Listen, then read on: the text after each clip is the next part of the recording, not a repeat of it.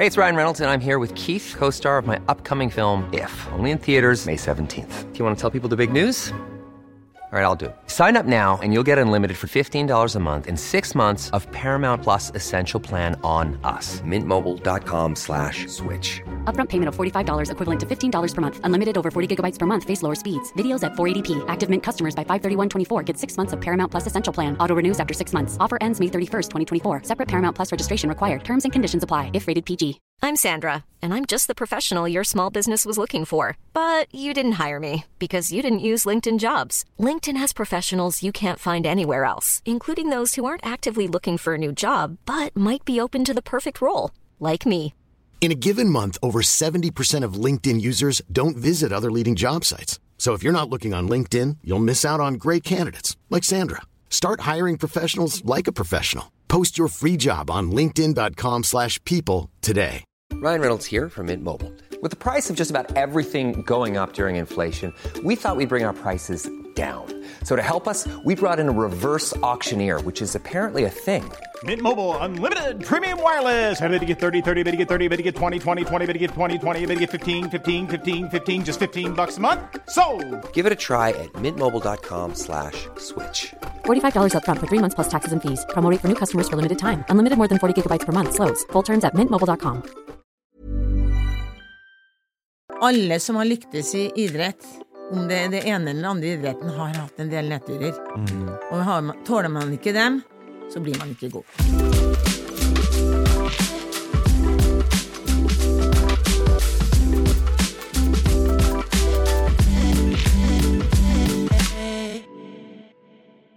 Hei og velkommen til treningsprat. Du hører på meg, Anders Muren. Også meg, Thomas Brun. I dag har vi storfint besøk i Ingrid Kristiansen. Det er en dame som eh, vi har, i hvert fall jeg har veldig lyst til å snakke med veldig lenge. Thomas har fått en introduksjon på henne. Og kan jo, jeg liker å ramse opp når det har vært litt sånne store ting, jeg da. Og det gjesten blir litt ydmyk og ser hun rødmer litt allerede. Men eh, det, vi snakker med ei dame her som hadde tidligere verdensrekorder på 5000 meter, 10 000 meter og maraton. Stemmer det? Halvmaraton. Halvmaraton òg? Ja, ja, du, vi kjører alle fire. Ja, Ja. jeg tror det faktisk det. Dere var tidsrommet fra 1986-93, eller noe sånt. jeg var fra 80, 86 til 80, ja, 85-86-80 var de beste Ja. sesongene mine. Ja. Og det, Det er det, er lenge siden. Ja, det, Det er old history. ja, ja. Så jeg syns det er veldig interessant. Vi har jo prata litt sånn Det henger oss opp litt sånn pulsklokke, og mange som snakker om pulsklokka og Ja, og og dataanalyse og alle de tingene der, ja. Det er jo så mye sånn, men før i tida, det var jo ikke sånn, da. Nei, det var jo ikke det. Vi, det var absolutt ikke sånn. Så eh, vi greide jo oss ganske bra da òg. Ja, Men eh, vi var jo kanskje litt flinkere til å lytte til oss sjøl, og jeg var brydde meg- aldri om hva andre gjorde. Jeg Mm. visste jo hva eh, Treneren min, da, Johan Kaggestan, sa jo ofte 'den gjør det, og den gjør det', og vi møter hun og vi møter hun. Ja, vi gir blaffen i det. Nå må vi stole på det opplegget vi har, og så kjører vi det. Og etter hvert så ble vi enige om at det var jo det riktige. Sånn at i hvert fall det passa for meg, da. Og heller for oss. Og Johan fikk jo til ganske mange utøvere den gangen, på, faktisk på alle nivåer. Både fra mosjonisten og til da toppidrettsutøveren. Så det var vel veldig mye riktig vi gjorde, tror jeg. Ja, det, det tror nok jeg òg. Og vi analyserte ikke så veldig mye, altså. Gjorde ikke det. Og det er liksom øh, litt, litt sånn at vi vurderte litt, konkurrerte ganske mye, da. Og så alt fra 1500 meter til maraton. Og så liksom, ja ja. Det gikk ikke akkurat sånn som vi hadde håpa, men da har vi kanskje glemt et eller annet i treningsarbeidet. Så jo, gikk vi tilbake, og så tenkte vi er det viktig med målet vi har, eller skal vi bare peise på videre? Sånn at det er liksom Vi, vi lærte vel oss kanskje til å lytte til oss selv og se den enkelte utøveren der den var. Nå er det vel kanskje mer sånn at man går litt i takt etter noen som veldig lykkes, og så glemmer man kanskje hva, hvordan den personen lever, i forhold til hvordan man lever sjøl, og hvilke mål en person har i forhold til målene man har sjøl, da blir det gjerne litt, eh, litt tullete. Da blir man aldri fornøyd, altså. Ja, Men det er jo Frode jeg sa jo det, det er din coach, men sånn, ingen har det samme utgangspunktet. Så alle kommer fra litt forskjellige steder og litt forskjellige adaptasjoner, så alle må på en måte finne sin vei underveis, da. Ja, Helt klart. Jeg, jeg tror det. Jeg kommer jo fra langrenn, og vi eh, Når vi snakka om pulsklokke her, og hvor viktig det var med alt det der Jeg hadde jo de som drev med friidrett i min tid da. Jeg var jo ikke friidrettsutøver. Og jeg syns jo det var veldig rart at de brukte stoppeklokka hver gang de sprang Lerkendal, og, og, og liksom vi skulle ha runder som var flate, for at det var så viktig med steget. Eh, altså, men jeg sprang jo i Blautmyr og på sti og, og slo jo alle de der. Og så, men de skjønte jo ikke det der, da. Så men det, er jo, det viktigste er jo å ha en god motor. Mm. Altså, en god motor Jeg snakker ikke om 800 meter la, kortere, jeg snakker fra 1500 meter oppover. må huske på det. Eh, så det er jo det viktigste. Altså, det steget kommer litt av seg selv. Hvis du springer litt stigningsløp og litt sånn litt flatt innimellom og tar noen løp, så kommer det av seg sjøl. Og det gjorde det i hvert fall for meg. Om jeg var et naturtalent, det vet jeg ikke. Men eh, i hvert fall så funka det da, og jeg tror det funker i dag òg, altså, men det er liksom ingen som tør å gjøre det. Veldig få, i hvert fall. Ja. Det er noe med den Jeg, jeg tror mange henger seg opp i den tryggheten av å se at man gjør det i hermetegn riktige, da. Det er noe rart med det, syns jeg. For jeg, jeg hører jo med mange jeg trener som du, du har en 45 minutters rolig økt, da, og så føler man seg veldig bra eller veldig dårlig, da. Så gjør jeg sånn, men herregud, nå, hvis du føler deg dårlig, da kutter du økta. Eller så kan du faktisk trene litt kortere, og du kan bare komme deg ut og gjøre noe. Men så føler jeg ekstremt bra en dag, da bare legg på noen minutter ekstra, og så føler jeg for det, da. Så bare sånn, her veier vi litt opp, da, hvordan formen er.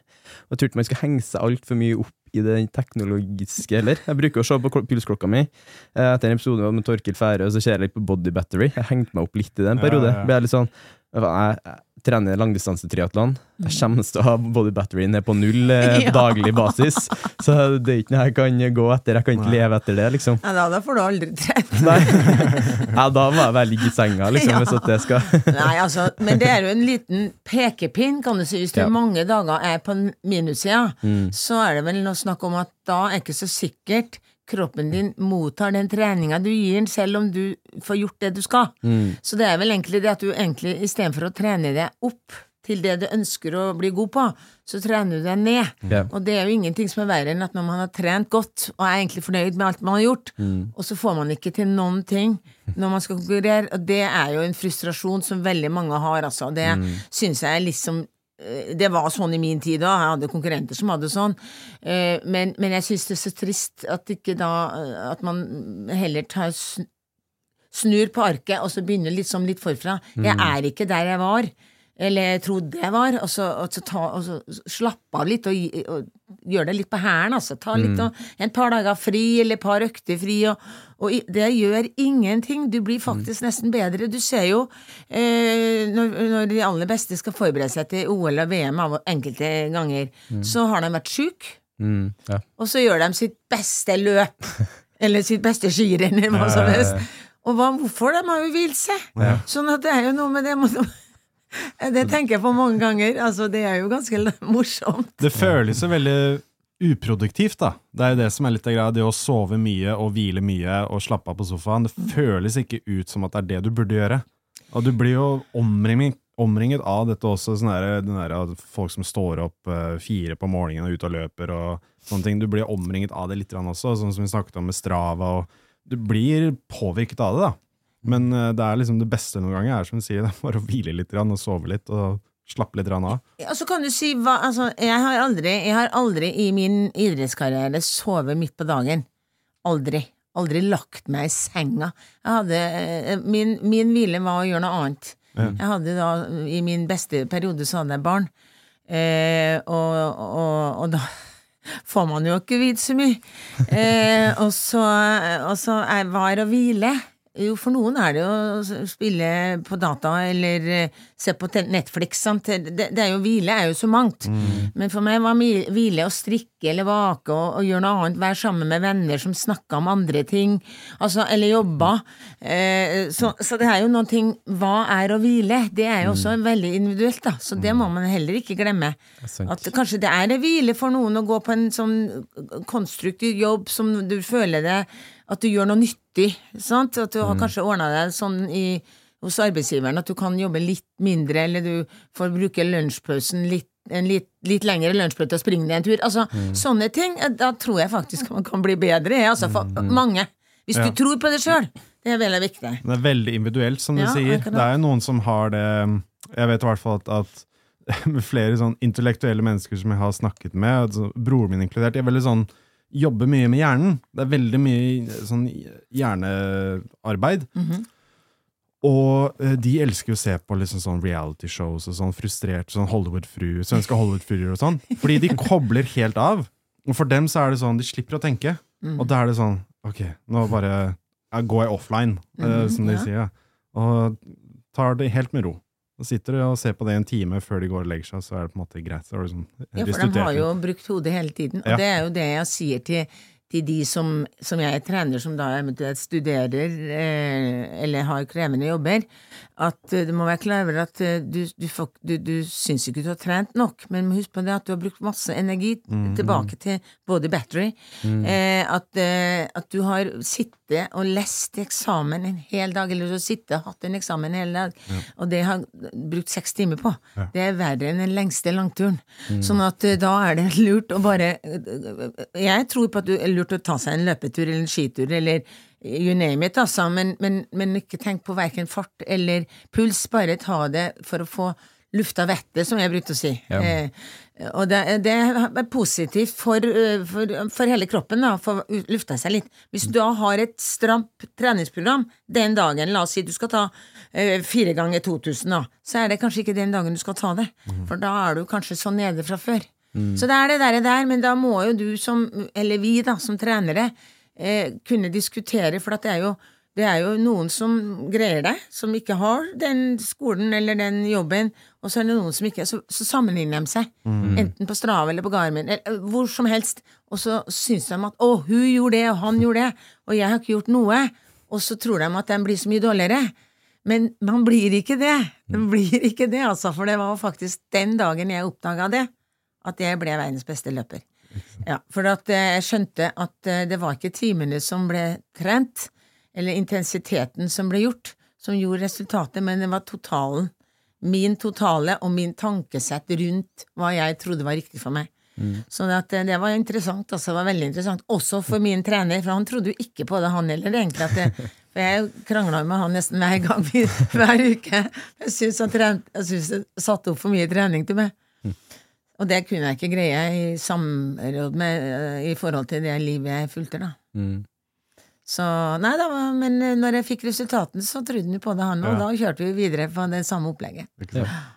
Så, Så det- men kjørte du mye trening i uka, da? Liksom sånn, Nei, ja, det var sånn jo Jeg høysesong? trente vel eh, fra 130 til 200 km i uka, kan du si. Cirka. Men vi hadde ikke pulsklokke, Mm. Nei. så om det var 200 eller det var 180-90, det vet jeg ikke. Mest det er aldri svar på. Eh, eller kanskje 205, Ja. vet ikke. 192,8. Så, så, øh, så, så der har du øh, Den faktoren der er jo ikke helt eksakt fra 80-tallet, da. Eh, men det var jo deilig. Det var jo egentlig deilig å ikke vite alltid. Men Ja. eh, jeg gikk jo veldig mye på ski, da. Ja. Derfor ble det veldig mange kilometer, for jeg kunne jo gå eh, lett eh, 30 km på ski. Det kosta ikke så mye. Mens å springe 30 km, det er jo mer belastende for beina. Ja. Så det er jo den der balansen der. Men du må jo like å gå på ski.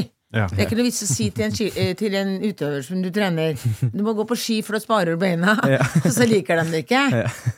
Og da er det jo like greit å kutte ut. Da Ja. er det bedre å springe. Ja, ja. Eller svømme eller sykle eller ja, gjøre andre ting. Det er det som er fordelen med oss triatleter, da. Vi kan vi litt. Dere har jo den fine kombinasjonen at det kan gjøre litt forskjellig. Er det møkkavær og man ikke ønsker å springe ute eller sykle, så kan man jo svømme, da. Prøver å legge opp det, i hvert fall på sommerstid. Da prøver jeg liksom se litt værmeldinger. Ok, langtur på sykkel passer litt bedre på mandag kontra Man må være såpass ærlig å si det.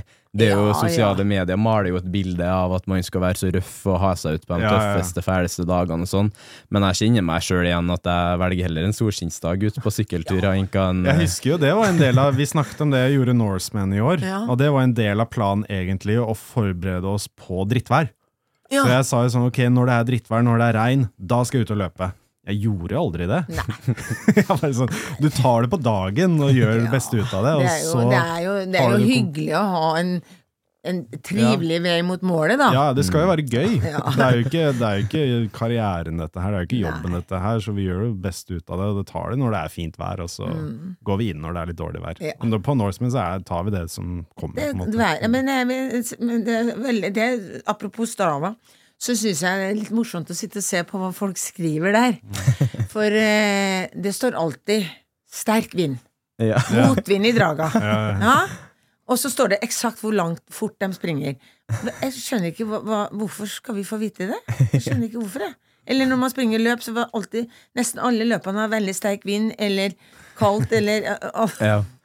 Det var jo sånn det- før òg, men det, det var jo det, Vi driver en utendørsidrett, det er det. Og, da, og da, ellers må vi begynne å springe rundt og rundt eh, under Bislett, da.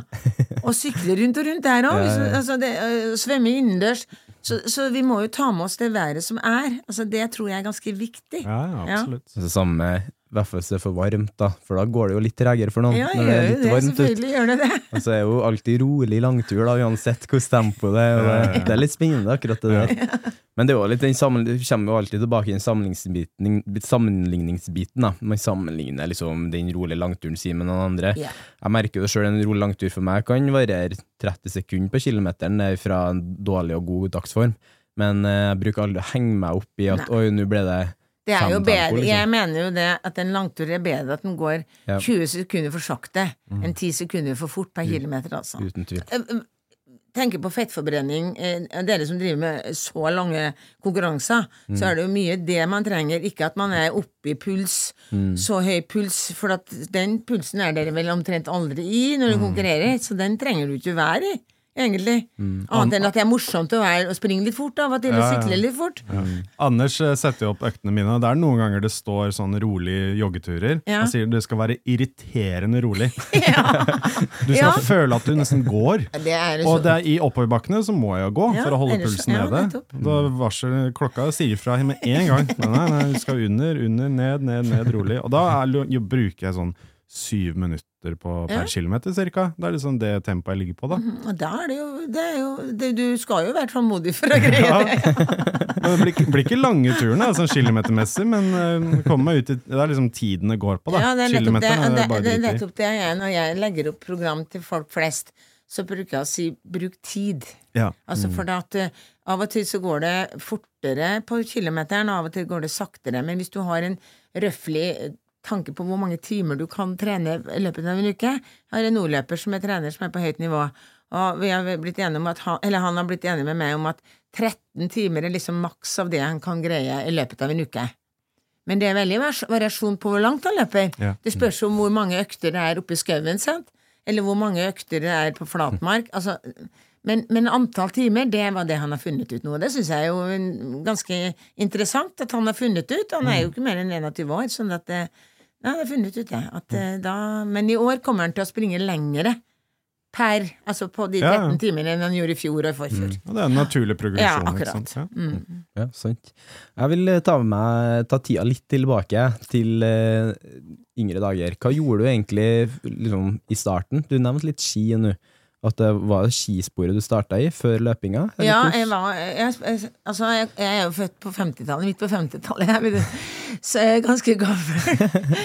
og det var jo egentlig ikke lov for damer og jenter å, å holde på med det her, her som jeg ble verdens beste i, egentlig. Så Ingrid Vigernes døde jo forrige lørdag, faktisk, og hun betydde jo veldig mye for langrennssporten og kvinnelangrenn, da. Sånn at da fikk vi en oppsving i jente- og, eh, jente- og kvinnelangrenn etter 68. Og da, i 69, begynte jeg å gå på ski eh, lang, freidig. Og der var jeg jo til jeg var 24 år og var ferdigstudert. Eh, og var jo innom juniorlandslaget og seniorlandslaget. Var med på junior-VM og eh, VM på ski og OL i vinter-OL. Det var liksom min karriere som skiløper. Jeg hadde tenkt å bli verdens beste, men dessverre så kom glassfiberskien. Og det, jeg hadde ikke verken en kropp eller en stil som passa for den. Eh, Det var mye mer fart og s kraft. Jeg var mer en sånn kondis og seig type. Ja. Så Berit Aunli, eller hun heter Kvello den gangen, vi har konkurrert sammen helt fra vi var elleve år, og jeg var jo bedre enn hun. Jeg vant til alt jeg var med på i, på ski fra jeg var 12 til jeg var 16, og hun var jo da bak i leksa der. Eh, Men hvem var det som ble best på ski? Jo, det var Berit Jønli. Hun ble jo verdens eh, beste skiløper eh, på 80-tallet. Og, og jeg da, når jeg var ferdig studert og fikk valget om å fortsette som skiløper eh, på laget, eller om jeg ville, skulle ut og jobbe. Jeg måtte jobbe, for jeg skulle jo tjene penger. Sånn at eh, da begynte jeg å jobbe, og så tenkte jeg da begynner jeg å løpe. Så begynte jeg å løpe frem og tilbake til jobben og sånn. Så, så det var en fin overgang, men jeg, jeg hadde jo løpt i forkant. Ja. For uh, som 13-14-åring så, så var jo vi skiløpere, vi var jo ganske godt trent. Da. Jeg hadde kondis som få. Ja. Uh, og når vi var med på terrengløp, som var veldig poppis Jeg vet ikke om det er poppis lenger, men det var veldig mye eh, terrengløp, i hvert fall for unger og alle mulige i den tida. Og da møtte vi opp, og så sprang vi, og vi så jo ikke ut. Vi hadde jo det utstyret, sånn, Det så jo ut som vi kom rett fra skogen. Men jeg sprang jo fra disse friidrettsjentene, de skjønte jo ingenting. Ikke hadde jeg steg og ikke Men jeg hadde en motor som Vi sprang en uh, liten tusenmeter, tror jeg. Og så tenkte jeg "Jøss, kanskje det her men. Så var det en uh, type landslags... uh, han var veldig god i tresteg. Så sa han du Ingrid, du, du må prøve å springe på en bane. Så sprang jeg på en bane. Eh, en 800 meter først, og det syntes jeg var altfor kort. Og så var det 1500 meter, og så det, skjønte de ingenting. 4.30 tror jeg jeg sprang på. Første løpet. Og så ble jeg tatt ut på en landskamp fin med Finland, da. Og da sprang jeg på 4.27. Det var ingen som har sprunget så fort som 15-åring. Og så kom jeg jo med på landslaget i friidrett på grunn av at hun som var best den gangen, Wenche Sørum Hun var best, hadde norsk rekord på 1500. Og husk på, 1500 meter var en ny distanse. Det var første året damer fikk springe 1500, var i 1971. Ok, litt lenger siden. Ja, det er lenge siden, men det var første gangen. Og så var det landskamp på Bislett, og så var jo Wenche Sørum, hun kunne ikke være med, og så var de jo på jakt etter en til som kunne være med, for Grete Andersen var jo da nest best, altså Grete Waitz, eh, var nest best, og så fikk jeg være med, og det var jo en opplevelse uten like å være med på Bislett og springe der, og da sprang jeg på to, nei, 4.22, og det var jo mega, og Grete sprang på to- 4.17. Ja. Hun satte norsk rekord der, da. Eh, og så ble vi tatt ut til EM i friidrett. Det var jo kjempestort. Og da var det liksom alle disse friidrettstrenerne, da. Å, jeg hadde en sånn framtid som friidrettsutøver. Mente jeg. Og takk og pris for at jeg ikke valgte friidretten den gangen. Mm. For da hadde jeg nok helt sikkert ikke oppnådd det jeg oppnådde. For da kom det jo flere trenere rundt fra, fra forskjellige steder og fortalte meg hvordan jeg skulle trene. Jeg skulle ta med meg bagen hjemmefra. Jeg bodde jo helt med Kyvatnet, sant. Ja. Eh, for de som er kjent i Trondheim.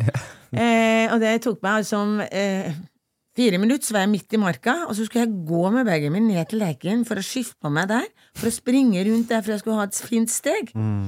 Og sånne ting fikk jeg beskjed om, så sa jeg det gidder jeg ikke. Og holdt på alene oppi der.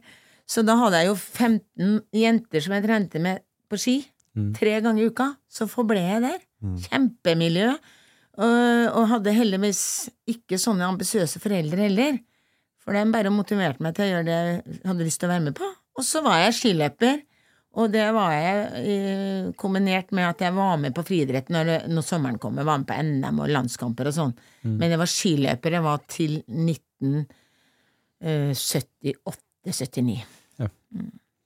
Og Og det angrer jeg ikke på. Og da løsna det jo. Da fikk vi plutselig springe lengre, og, kondisen var megabra. Og jeg husker jo første møtet mitt med Johan Kagstad. Mm. Da var vi på Grotli på skisamling. Og så var jeg tatt ut til, eh, til VM, nei, EM i friidrett i 78 i Praha. Eh, og han kom, da hadde nettopp starta Nike Norge sammen med en kompis, han da. Ja. Kom der, han og kona. Dette, jeg husker det. Jeg jeg ser for meg bildet enda i dag i dag. Han, var jo, han er jo, og har jo alltid vært en entusiastisk type. Og kona var akkurat likedan. Kom den da, og de møtte jo opp på landslaget på ski, sånn som alle gjør i dag, og alle har gjort til nå. For der fikk de en PR. Og så fikk jeg jo sko og sånn, og så tenkte jeg, du, at jeg hadde vært der, gubban tralle, hadde vært morsomt å jobbe med, med de der han der en gang. Mm. Og Johan hadde jo tenkt akkurat det samme. Han merka jo at jeg var liksom litt Litt annerledes, da. Eh, så sånn tenkte ja, ja, kanskje hun kanskje blir en friidrettsutøver en gang. Og sånn starta det. Og i 81-82 så starta vi samarbeidet.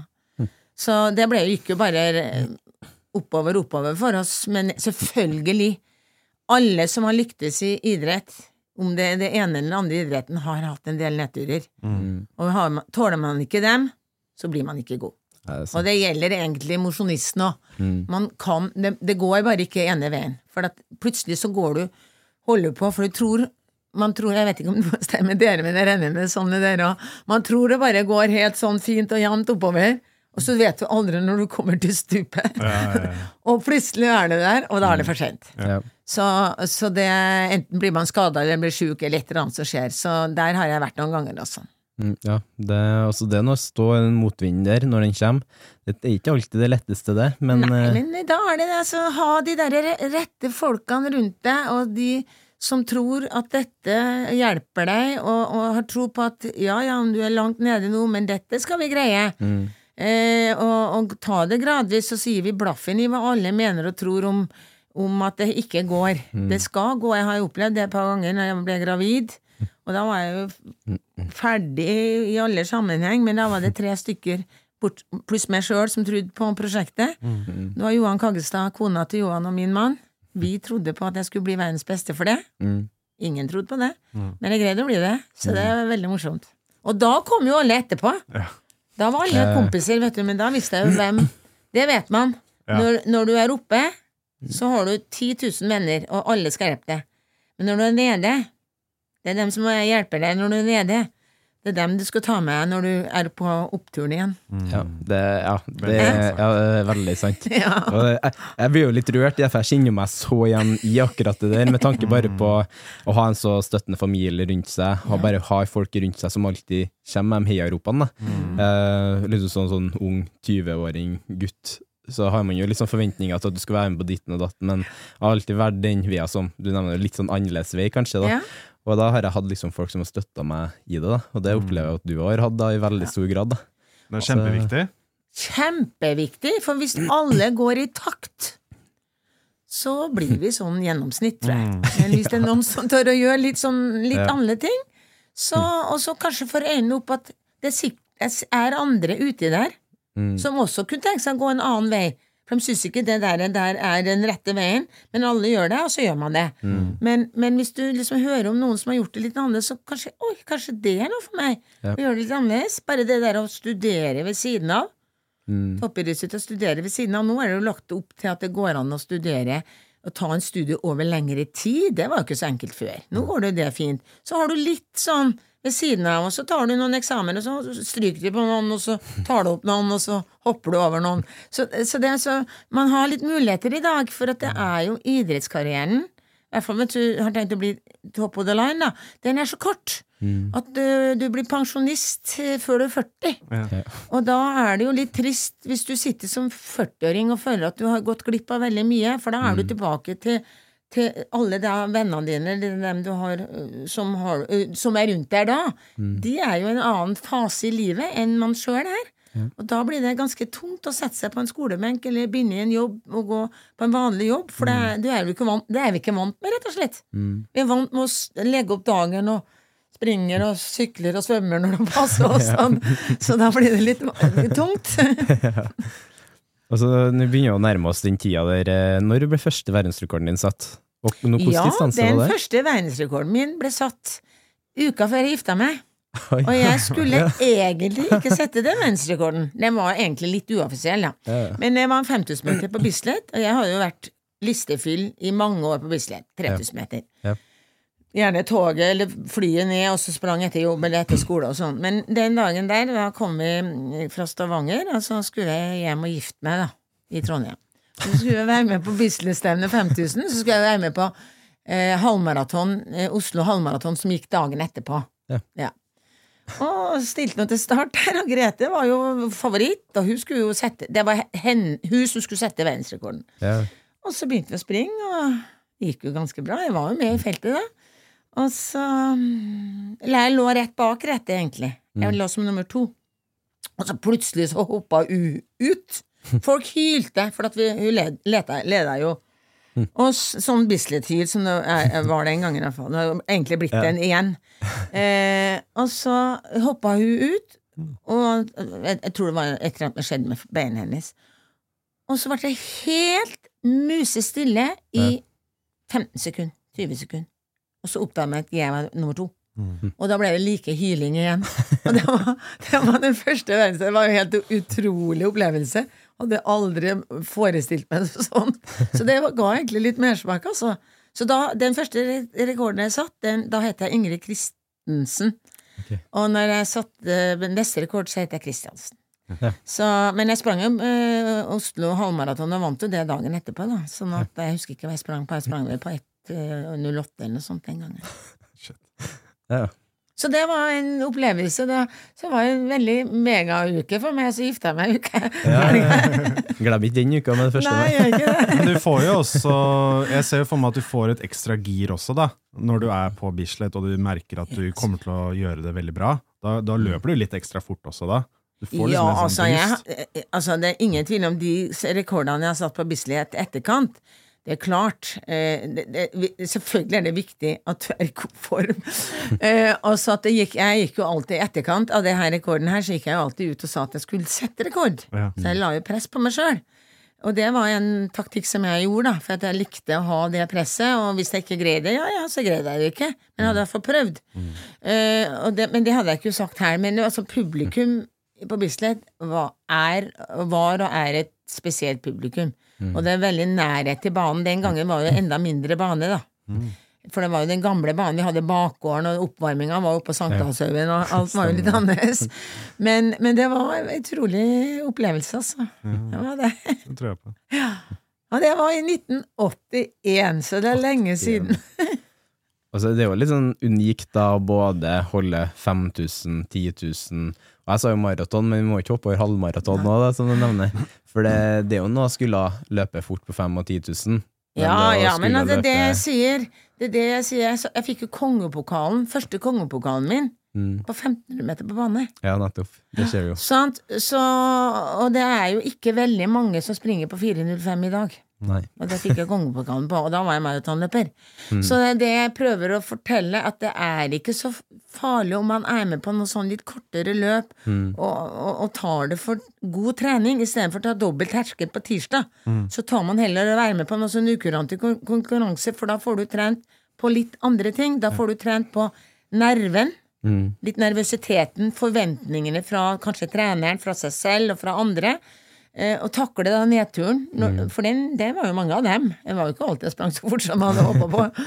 Men, men det var liksom Det var også en trening. Jeg følte at det var god trening. Eh, og så var det den derre morsomme at det, det var ikke så Det var liksom ikke maratonspesifikk trening, for det ble jeg jo. Det har jeg aldri hatt. Det aner jeg ikke hva jeg er engang. eh, men jeg var med på terrengløp i VM, og så sprang jeg halvmaraton og så sprang jeg kanskje en 1500 meter, og så plutselig et maratonløp. Så det var liksom Det var liksom litt tilfeldig alt. Selv om det var en rød tråd i det. Hadde nok kilometer, men det var liksom måten, måten jeg gjorde det på. Og så fikk være med på en del løp som gjorde at treninga Jeg syns iallfall treninga ble morsom, for da fikk jeg konkurrert litt. Ja. det var sikkert fordi at jeg lik, likte å konkurrere, selvfølgelig. Ja.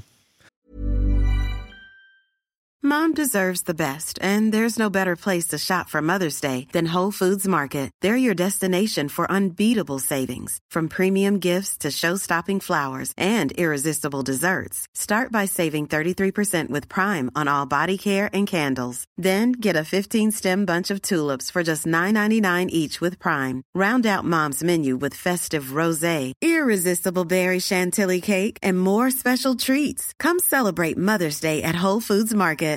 One size fits all seems like a good idea for clothes until you try them on. Same goes for healthcare. That's why United Healthcare offers flexible, budget friendly coverage for medical, vision, dental, and more. Learn more at uh1.com.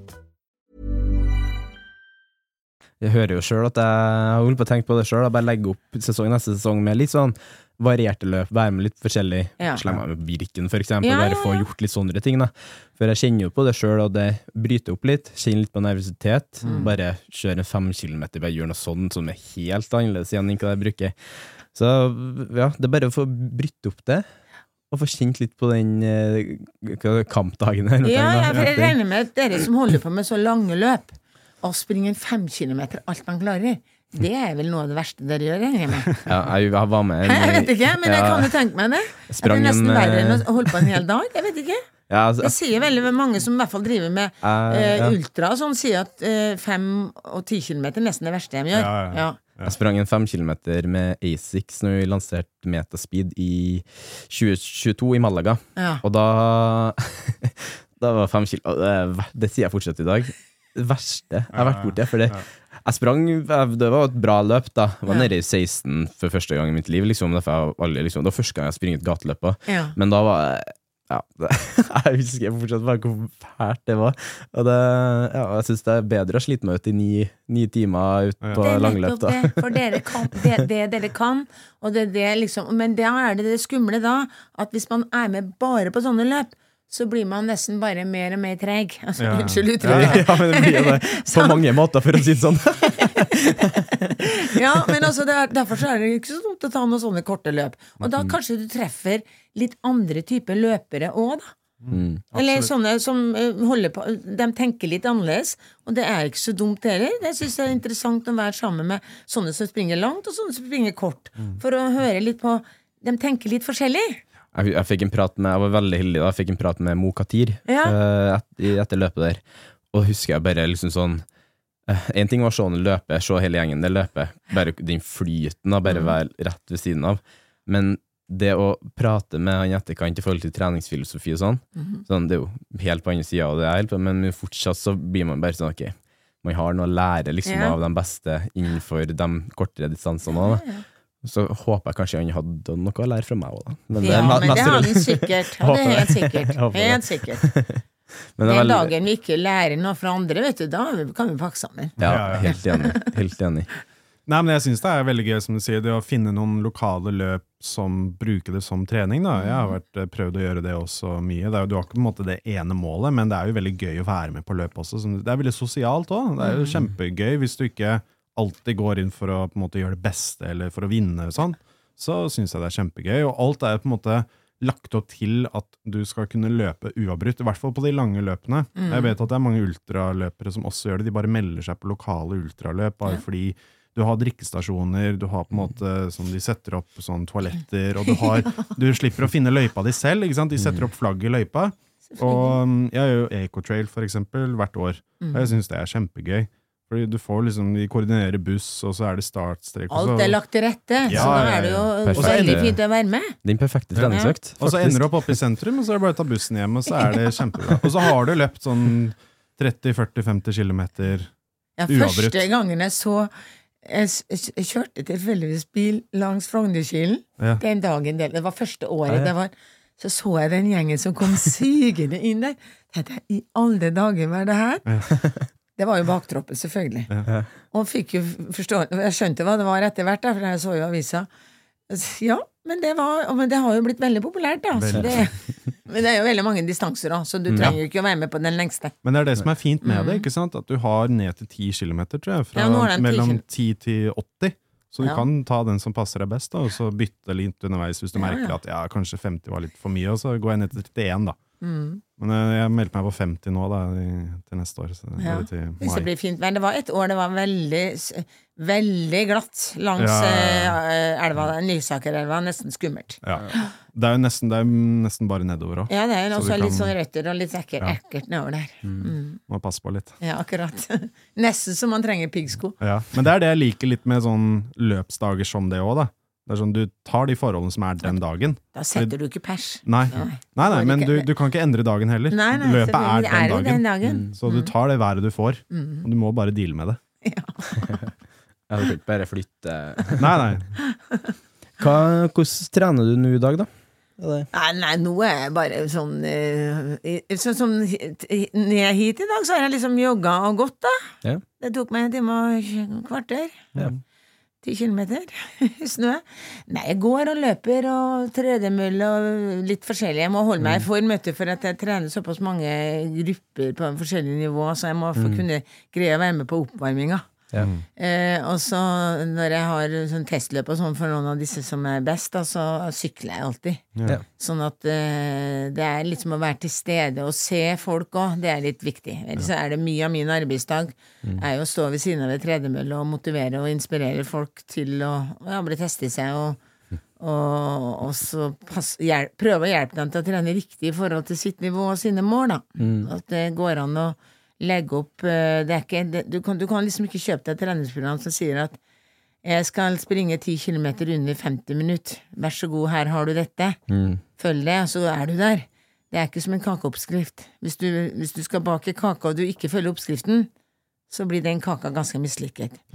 Men eh, hvis du får et program og så, så tror at du kan følge det, og så kommer liksom 100 stykker ut på andre sida med samme resultat, det er litt vanskeligere. Så da er det liksom veldig in mye individuelt som skal til, og der er jo jeg inne, da. For mange. Hører vi inn på mye av det samme, da. Ja. Individualisering. Ja. Eh, treningstilpasning og ha en dynamisk treningsplan, da. Mm. For det Det verste jeg hører, hvis at folk har en eh, I hvert fall på løpingen, det er en litt annen styrkeverden, så klart, da vil man jo gjerne ha litt kontinuitet, og litt det samme, da.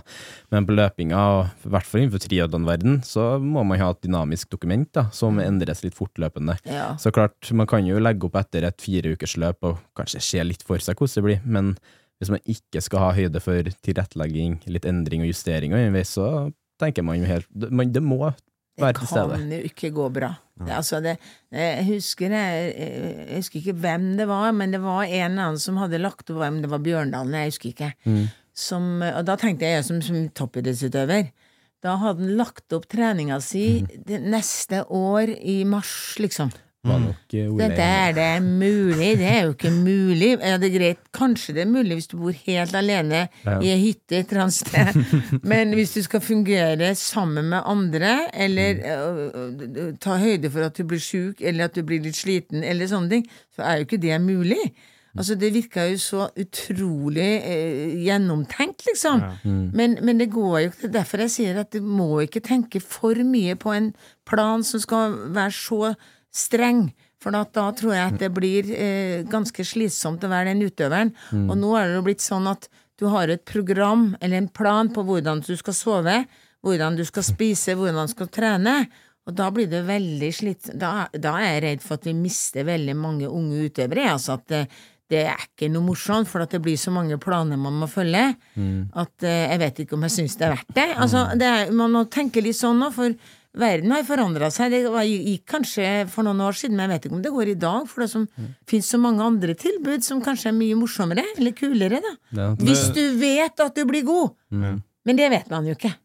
Men Det går jo litt tilbake til det du sa tidligere, da, om at eh, folk ga deg en retning de ville at du skulle gå med tanke på å løpe på bane og sånne ting, og du foretrekker å løpe ut i skogen. Ja. Hvis du ikke syns trening, treningen er gøy, og du, du føler at det bare er stress, så vil du ikke gjøre det like mye hvis, Mm. Nei, en, det blir ikke det, det samme. Det, ikke, det, betyr, det må være lystbetont. Ja. Men selvfølgelig, noen av øktene er ikke så lystbetonte, selvfølgelig. Men når jeg tenker tilbake på min egen eh, karriere, da, alle de årene fra jeg var tolv, da, da begynte jeg å trene brukbart.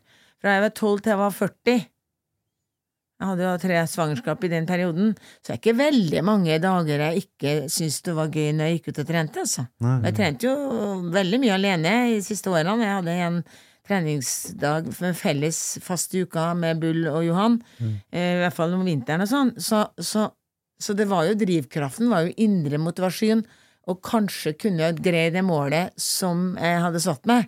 Jeg har jo enda tre lapper som ligger i skuffa mi på treningsrommet mitt med mål som jeg ikke nådde. Men jeg prøvde jo helt til siste dag, det gikk ikke. Men altså, man, det er jo det som driver en, da. Sant? Kanskje det går. Ja.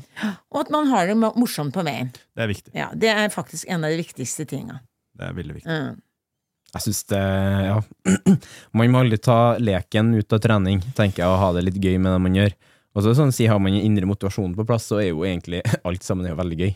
Ja, det er jo det. Altså, det hjelper ikke om mamma eller pappa eller treneren din mener at du har et kjempetalent. Hvis du selv egentlig Ja ja, jeg kan jo la det få en sjanse, men egentlig ikke er motivert for det.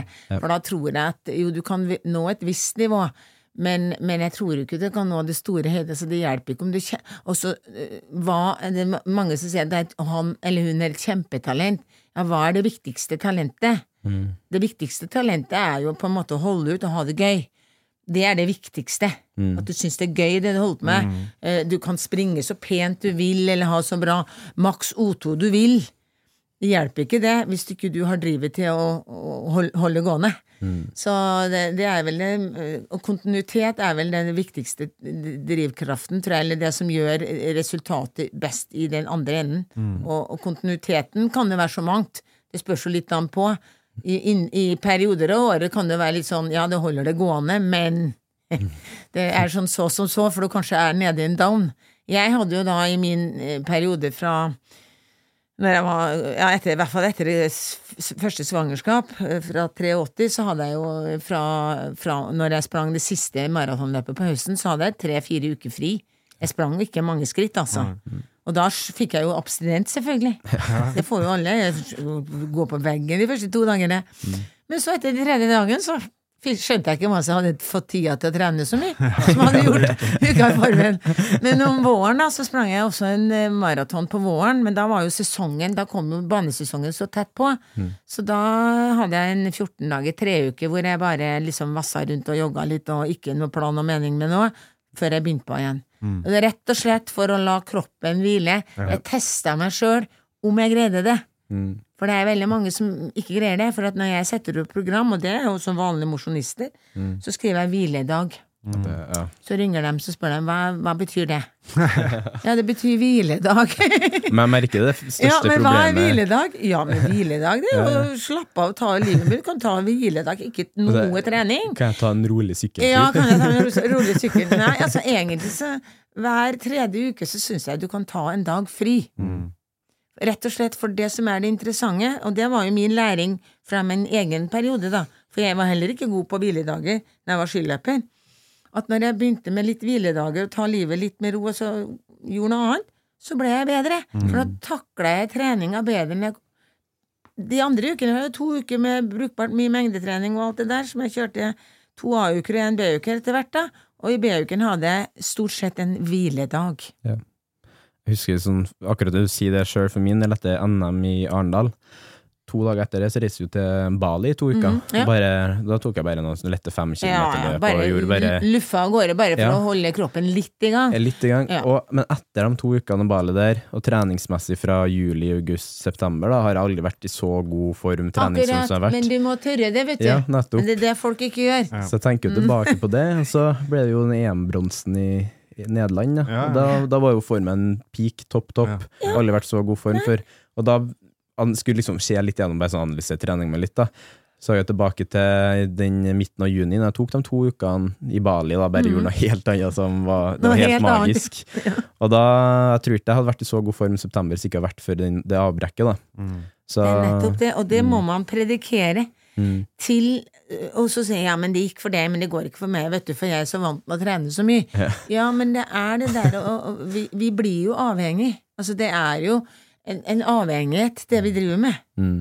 Med lange løp eller triatlon eller ul- ultra, hva som helst. Vi, det sier jeg til alle. Jeg har vært der, jeg òg. Ja. Jeg har vært der. Og jeg har vært på skilandslaget hvor vi satt på søndagskvelden og fant ut at jeg mangla én time på rulleski. Ja. Så gikk jeg ut, og så tok jeg den timen for å tilfredsstille treneren. Ja, ja. Så jeg, det er jo helt meningsløst idiotisk. Men, men, men altså, jeg skjønner problemet. Kjenner jeg igjen? Absolutt. Jeg, jeg trener jo, han, Ja. vet. Vi har jo uh, training peaks, bruker vi. Ja. Og da laster jo alt seg opp der automatisk. Og da, hvis du har gjort økta, så blir den grønn.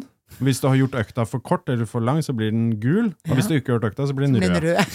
Så jeg vil bare ha grønn. Det skal være grønt hele veien, ikke sant? Men nå så er det sånn, altså da jeg trente Norseman, så var det sånn, da skulle alt være grønt. Og hvis det var rødt eller gult, så var det krise.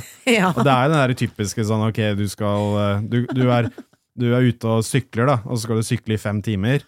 Og så er du hjemme med fem minutter igjen. Da tar du, da tar du en liten runde rundt eh, huset for å liksom komme til fem timer. Akkurat, og da blir den grønn, ikke sant? Hvis ikke så blir den gul. og ble den gul hvis du var fi- 4,55? Det blir jo fort det, ikke sant? Åh, tralle. Ja, Ja. Du må, du må litt under, da, for du kan være innenfor Ja, sånn uh, Det er sånn 10 tror jeg. Men det er sånn, du vil jo helst Ja. at den skal være akkurat. Sånn at det står workout complete på klokka. Så er det Men-. Så Ja, det, derfor så var det mye enklere for oss som ikke hadde de klokkene. ja. da, da, men, men allikevel så var det, du mangla vi den timen alle de Ja. kilometerne. Sånn. Så det er det der, det der da utøveren selv, og så bare øh, heller Jeg har jo noen som ringer til meg, vet du, i dag. For jeg har jo Garmin Connect som jeg jobber Ja. med og holder kontakt med, for jeg vil ikke være på Strava. Mm. For jeg vil gjerne at utøveren skal være på Garmin, så jeg ser at vi bør ikke være mange der. Eh, og så ringer det noen og sier vet du, i dag ble langturen min eh, en og en halv time, ble ikke to. Ja, men det, gjør jo ikke noe, det er jo helt greit. Det blir bedre at du er en og en halv av og til enn to og en halv er for ofte. Og så er det av og til Så jeg vet at jeg blir litt sint hvis det blir for mange lange langturer. Eh, n- Når det blir for slitsomt, rett og slett. Så ring, eh, ringer jeg meg og, og ettermiddagen og sier du, i dag ble langturen min ti minutter for lang. Ja. Men jeg var, skjønner jeg glemte tida. Jeg var sammen og sprang sammen med noen andre. Helt greit. Ja. Du bør ikke ringe og forsvare det. Jeg var redd for å få kjeft, da, vet du. Sånn at eh, det er det derre at ja ja, ble det fem minutter for kort? Ja vel. Om det er fem minutter på fem timer, det er jo ingenting. Den skulle jo ha vært grønn. Ja. Selv om ja. den ikke ble completed. Ja, ja. Men det, er vel noe, det må jo gå en grense da på det her systemet. Den blir grønn, da. Den Ja, blir grønn. Ja, Jeg var litt sånn eh, på, på start Jeg var litt streng med meg selv på starten, men nå, så, nå tenker jeg ikke noe særlig over det lenger. Nå Men- går det helt fint. Det er det som er fornuftig med den coachinga òg, da. Hvor eh, sånn, Jeg husker jo starten når du kjørte plan. Du var jo veldig sånn opphengt i at i hvert fall kosthold, Ja, trening, alt skulle liksom være så Hver eneste prikke, kalori skulle, skulle veies og Riktig. Så nå har vi jo kommet i hvert fall, Du har jo egentlig vært det veldig lenge nå, men Ja, ja. det tok ikke lange tida før du skjønte at det skal, det skal være slekk. Det skal være litt sånn Mm. fritt slingringsrom på det. Ja. Og det var da du har blitt så god som du har blitt òg, da. Ja, ja. Så, Ja, men det er erfaring, det, da, vet du. Ja. Du var jo uerfaren, sant, og hadde en trener, og du skulle tilfreds altså tilfredsstille treneren, Ja, ja, sant? For du tenkte at da har jeg fått et opplegg, og det må jeg følge, for ellers så blir det jo ikke bra, dette her. 100%. Sant? Ja. Men han kjente ikke det så godt, og visste ikke hva du tålte, og hvordan du tok treninga, sant? Så det er jo noe med at som, som en sånn team, da, så må man jo liksom lære litt på hvordan man tenker, og så går det an å diskutere, vet du, sånn og sånn ble det i dag, eller i dag ble det faktisk Jeg var så sprek at jeg tok en halvtime ekstra. Mm. sant? Det er jo øh, sånn at det er tillatt både den ene og andre veien, det er jo ganske viktig. Mm. At man har dialogen der. Og det er jo det som leder oss tilbake til jeg nevnte litt i starten, at man kan ha deler å ha de korte, øktene som er kanskje litt for korte, men det er like lov å føle seg ekstra bra en Ja, dag og ha ja. den fem minuttene ekstra, for eksempel. Det, herregud, det spiller faktisk ingen rolle. Det er jo ingenting som er størst gre eh, inn i stein her. Det er jo mm, skjønn. Ja. Og så ha det artig med det man gjør. Det Mm. synes jeg var, det var så fint at du bare påpekte i stad hvor mye du gleder deg til trening Ja, jeg må si det. Altså, miljøet eh, Vi hadde jo en eh, treningsmiljø i, i, i hvert fall i, eh, i skiklubben. Det var, og der var det jo bare megamorsomt. Vi var jo 15 jenter på trening tre ganger i uka. Vi hadde det veldig fint. Ja. Og det er jo bare det gjør Og der var det jo selvfølgelig noen av oss, tre stykker av oss, som var veldig ambisiøse, som skulle bli gode. Ja. Og så var det da eh, ti som håpa Eller sånn eh, åtte-ni stykker som håpa de kunne bli ganske bra. Og så var det tre stykker som var der bare lava liv. Og liksom, om de fikk fem drag, eller om de tok ti, åtte drag, spilte ingen rolle. De hadde gøy. gøy. Så det var, de, var, de var like viktige. Eller kanskje viktigst. Og treneren vi hadde, han var sånn om vi var best, eller om, vi var, om de var dårligst, spilte ingen rolle, for han hadde skapa et godt miljø. Sånn at det var veldig viktig. Og det har jeg vel egentlig tatt med meg oppover videre òg. At de der som ikke var så spesielt gode, det var jo de egentlig som berga miljøet vårt. Ja. Og det må man ikke glemme i sånn jente-gutteidrett, at du må ikke glemme den som er bakerst. For den som er bakerst, er kanskje den som skaper den lille ekstra eh, humoren da, i, i treningsgruppa. Der De som bare syns det er gøy å være med. Ja, de som Ja, ja, ja. synes det er gøy å være med. Jeg Det er ikke så farlig om de kommer tre minutter bak. Ja, ja. Men det var meg faktisk Jeg spilte fotball før, og var jo han, jeg var han overvektige på fotball. da Jeg Ja, var, jeg var jo oppe i 100 kilo en periode da jeg spilte fotball, og ja, det var veldig ille, da. Men jeg, han, jeg har alltid hatt litt sånn humor, litt sånn glimt i øyet, da, og fått hørt det, da. Men jeg husker jo han treneren fortsatt du hadde da. Eh, Sander heter han. Sander Sandvik. Jeg vet ikke om han hører på, men eh, det er i hvert fall han. Og han var fortsatt ser opp til han som hvordan han var. da God hvordan trener. ja, hvordan han tok inn meg, og hvordan han inkluderte meg i et veldig, veldig bra fotballag, egentlig, i forhold til alderen vår. Sånn, sånn som det var. Det var mye flinke folk utpå da. Så fikk jeg liksom min tid ute på banen for de, og fikk være med for de, da, sjøl om jeg egentlig var han som var bakerst. Selv egentlig så skulle du sitte på benken hele Ja, tida. egentlig. Egentlig hadde ikke jeg noe på fotballbanen å gjøre. Jeg skulle ikke sitte på benken engang, egentlig. Men jeg husker bare liksom den han, Ja. Hans omsorg, hans måte å se meg på, da, liksom tok meg inn. Da. Og jeg føler jo litt på det, i hvert fall i årene framover, at uh, man ser tilbake på en god treneropplevelse fra i hvert fall han som fotballtrener. da. Jeg har òg hatt en dårlig treneropplevelse. når jeg- I 2019 så stilte jeg i fitness da, bare for å liksom, det skulle være min på en måte, prikken over i-en på reisa mi, da, fra vektnedgang og sånn. Og han som trente meg da, var jo han var jo ikke til stede i det hele tatt. Jeg endte opp med å trene meg sjøl til slutt, og følge meg opp sjøl. Mm. ja, det, det, det var bedre sånn, og da eh, ja, da hadde jeg vært borti en veldig god treneropplevelse, og så en veldig dårlig en. Og da vet du hvor du selv skal leide. Da vet jeg absolutt hvor jeg sjøl skal være. Og der eh, føler jeg, jeg tror i hvert fall at jeg er der nå, at jeg er litt på den bedre enden av skalaen. da. Ja, og så kan du si du har jo forskjellige utøvere, Ja. og, og, og de forskjellige utøverne har forskjellige behov. Sant? Noen er jo veldig krevende, Ja. Og noen er mindre krevende. mm. Så da må man jo bare passe på at de som ikke er så krevende, også dem får litt tid. Så Mm. dem eh, liksom ikke bare sklir gjennom og er fornøyd og diskuterer veldig lite. Så det er liksom det der, det der at noen er jo lettere å se enn andre, for de hyler høyest. Sant? Sånn at eh, det er, eh, det er noe med det. Men sånn er jo ikke bare i idretten, det er jo overalt. Uansett på arenaen du er, så er det noen som, som er veldig rask frampå og er øh, synlig, da. Ja. Sånn er det jo på sykehus. Den som sånn er det roper høyest, får jo hjelp. Ja, ja. ja, ja, ja.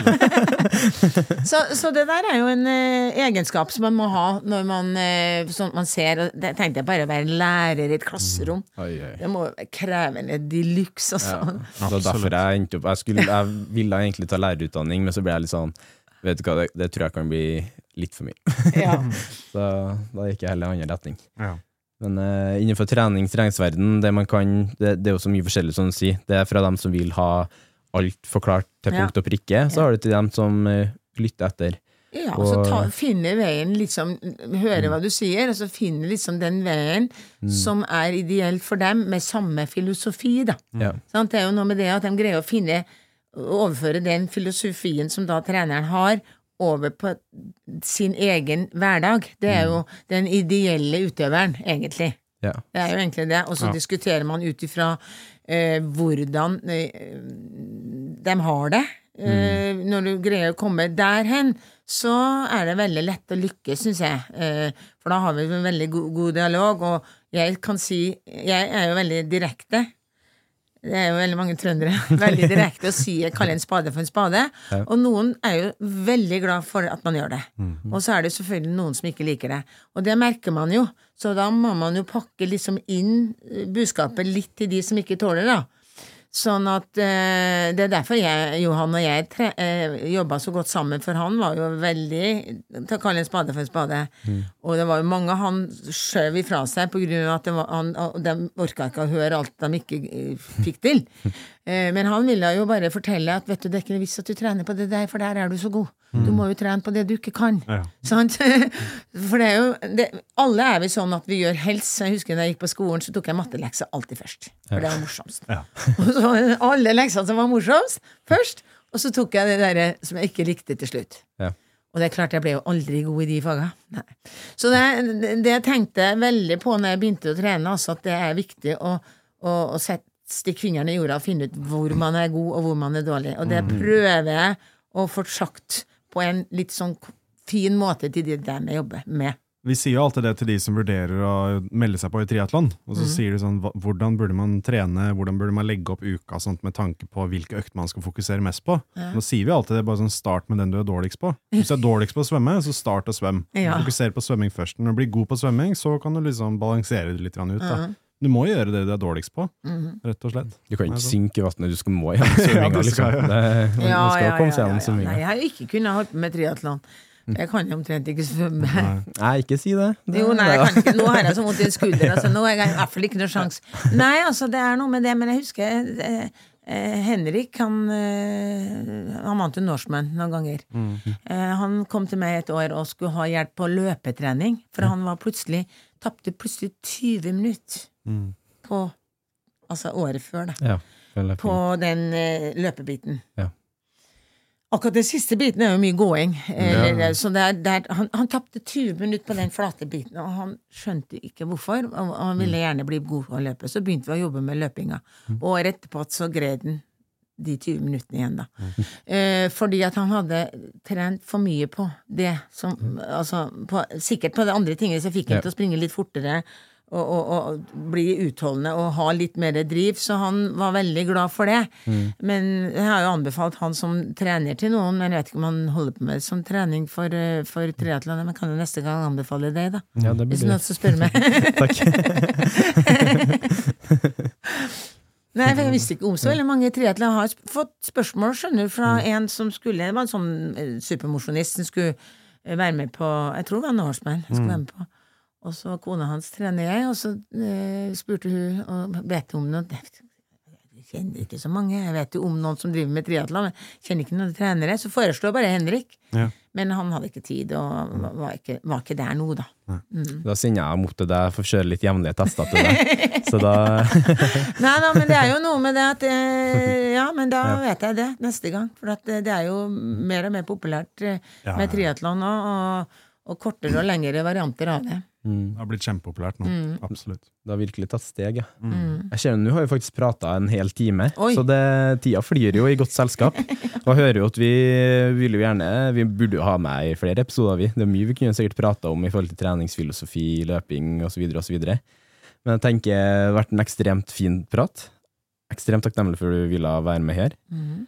Og så håper vi kanskje vi får huketak i deg igjen eh, senere en gang. Det kan kanskje tenkes. Ja, ja, ja.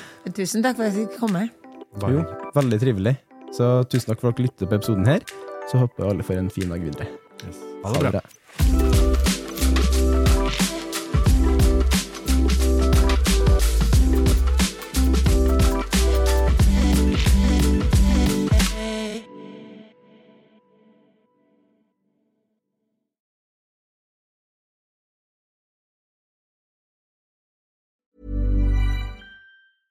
Ever catch yourself eating the same flavorless dinner three days in a row? Dreaming of something better? Well, HelloFresh is your guilt-free dream come true, baby. It's me, Kiki Palmer. Let's wake up those taste buds with hot, juicy pecan-crusted chicken or garlic butter shrimp scampi. Mm. Hello Fresh. Stop dreaming of all the delicious possibilities and dig in at HelloFresh.com. Let's get this dinner party started. Hey, it's Paige DeSorbo from Giggly Squad. High quality fashion without the price tag. Say hello to Quince. I'm snagging high-end essentials like cozy cashmere sweaters, sleek leather jackets, fine jewelry, and so much more. With Quince being 50 to 80% less than similar brands.